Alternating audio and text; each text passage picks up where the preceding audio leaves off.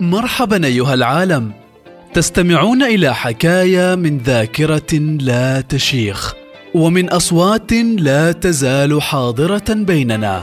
فاهلا بكم في بودكاست علوم الأولين. يأتيكم من شبكة قاف بدعم من اللجنة الوطنية للشباب ضمن مشروع يشهدون.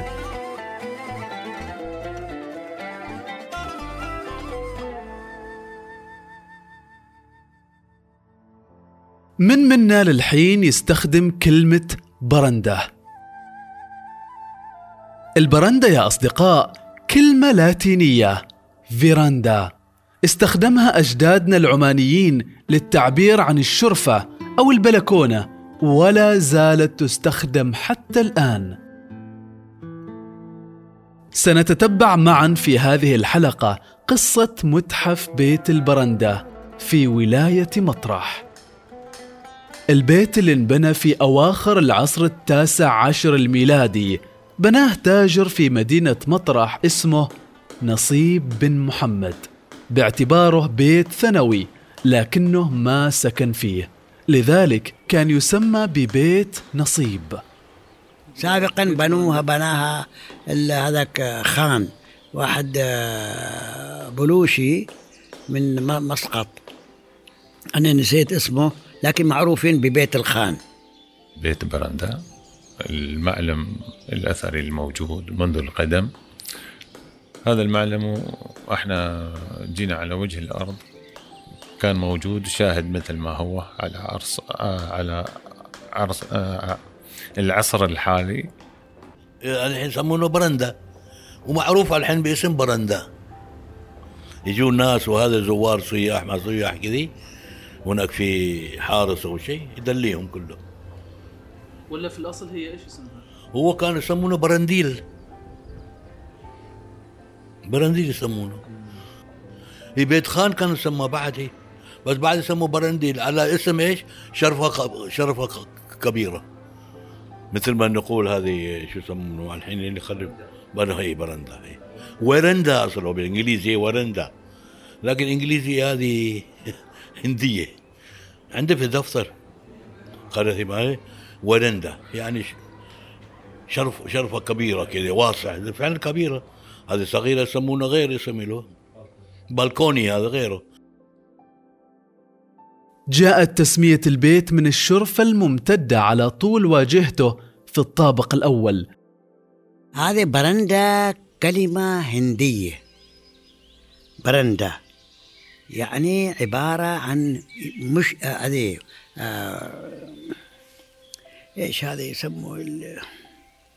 شراف إشراف هذا شرفة شرفة. شرفة هي يضرب الإنسان. عبارة عن شرفة باللغة العربية. هي عبارة عن مكان البيت يبنى وعليها شرفات مثل بسور اللواتية من الخشب. والشرفة عادة تكون من الخشب ومسواة بطريقة هذه. البرندة هذه كان بيت وقدامه شرفة والشرفة هنا كانت واسعة فسووا لها أعمدة في الأيام القديمة أعمدة. شرفة كانت واسعة لأجل الهواء ونتهووا لأنها أمام البحر. في عام 1909 اتخذته القنصلية البريطانية مستوصفا حتى 1933 وهو التاريخ اللي انبنى فيه مستشفى الرحمة في مطرح. بعدين أخذتها القنصلية البريطانية لأجل مكتب. هذا المعلم كان يمثل أولا أه على حسب علمنا كان مثل السفارة البريطانية كانت موجودة هنا والله إحنا كنا من مواليد الستينات. ما بقول بالضبط من أي شو اسمه لكن من مواليد الستينات هذا المعلم كان موجود يعني. ومن يوم ما إحنا كنا نلعب حتى هناك نلعب كرة قدم مباريات كرة قدم ويا شباب خاصة شباب. ونتبارى على غرش فيمتو كان كأس مالنا وهذه. و... وبعدها رمموا المجلس الثقافي البريطاني وتحول لقاعات دراسية ومكتبة وغيرها من الملحقات. وإضافة إلى ذلك كنت أنا من أحد اللي أخذ معرفة من هذه آه، بيت البرندة. كانت بعد ال- السفارة آه، مكتب للجالية الهندية آه، البريطانية. وكانوا يعملوا لقاءات في هذا المكان. وفتحوا مكتبة بريطانية British Council كنا يعني نروح نستأجر كتب. ونقرأ ويعطونا كتب تقريبا كل أسبوع ممكن تجي تغير واشتراكات كانت موجودة. نتثقف في القراية الإنجليزية على حسب ما كانت تشير هذه المكتبة وكان عدد كبير نتذكر من الأخوان اللي كانوا يشاركوا في القراية وفي معرفة أكثر في هذا البيت يعني. صار بيت البرندة في وقتها مركز ثقافي لتعلم اللغة الإنجليزية والاطلاع على المعارف واكتساب اللغة من مصادرها الأم. روايات معالم عن الدول. أتذكر بأنه والله كنا ندرس في معهد بوليغلوت أياميها وبعدين آه، أرشدونا بأنه والله في آه، كتب ممكن أنتم تستخدموها آه، في الرجوع للقصص. ممكن آه، تبتوا في قصص حتى تشرحوا لنا مدى فهمكم اللغة البريطانية أو آه، معرفة اللغة. الإنجليزية الأصل يعني. بيت البرندة اكتسى طابع جديد بعد الترميم وإضافة بناء جديد ملحق للبناء القديم. البناء اللي يتكون من طابقين من أيام بنائه الأولى. البيت والله آه، كان مرتكز على أعمدة من قدام وبعدين آه، بوابة كبيرة. ممكن يفتحوها للضيوف بوابة كبيرة وفي بوابة صغيرة منذ القدم هي لا زالت على ما أعتقد موجودة يعني. وداخل أول جهة لما تروح على جهة اليمين تحصل المكتبة وفي desk information يعني آه، منصة الاستعلامات. ممكن يرشدوك إلى أي جهة أنت طالب عشان تتوجه إليها. واليمين كانت المكتبة مباشرة مفتوحة للجماعة الأعضاء اللي تم إثبات عضويتهم في هذه المكتبة. طبعا عطوا طابع جديد ولكن تم رفع المكان.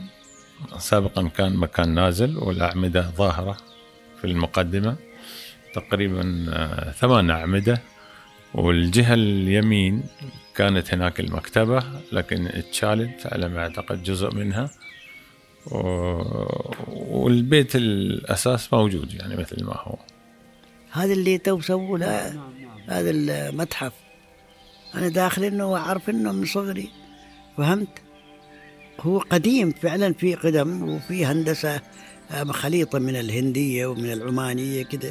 هكذا كان التراث هذا. التراث كله خليط من الحضارات المختلفة وخصوصا عمان.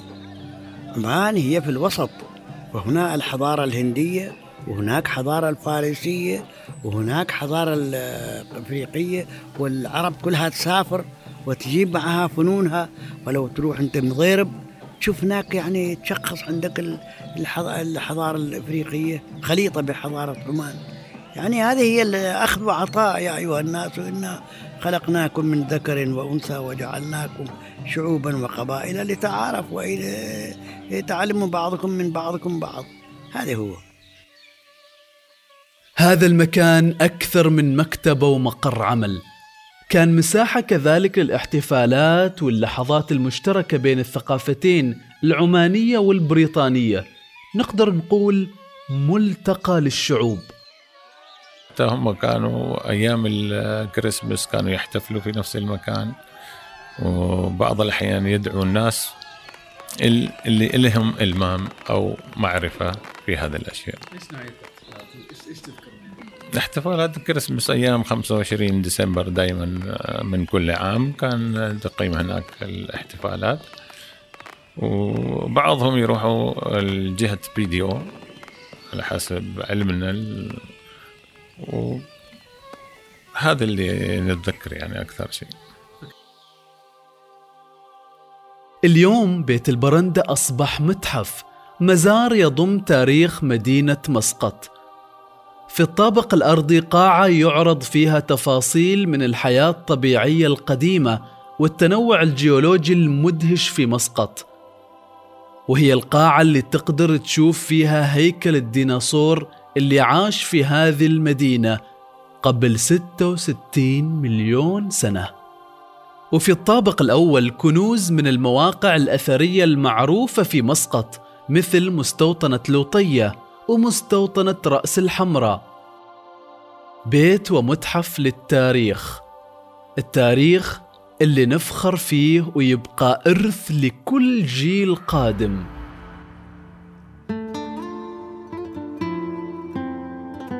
الحكاية اللي ترتبط بذاكرة كل شايب ما لنا غنى عنها. نحتاجها توصلنا منهم. ندونها ونحكيها لجيلنا وأجيال من بعدنا. استمعتم إلى بودكاست علوم الأولين. يأتيكم من شبكة قاف. هذه الحلقة من إعداد فريق ضم لصناعة المحتوى الكتابي الإبداعي. حوار وتقديم سالم بشير. وأصوات مليئة بالحب لشيابنا العم عيسى بن موسى بن إبراهيم الميمني العم حسن بن عبد الله بن محمد اللواتي والعم مصطفى مختار علي محمد اللواتي. الهندسة الصوتية محمد البلوشي. التنسيق مع الشياب سعيد العميري. صناعة المحتوى المرئي أنس الذيب. شكرا لوقتكم بصحبتنا يا أصدقاء وإلى حلقة أخرى ولقاء. علوم الأولين. علوم الأولين؟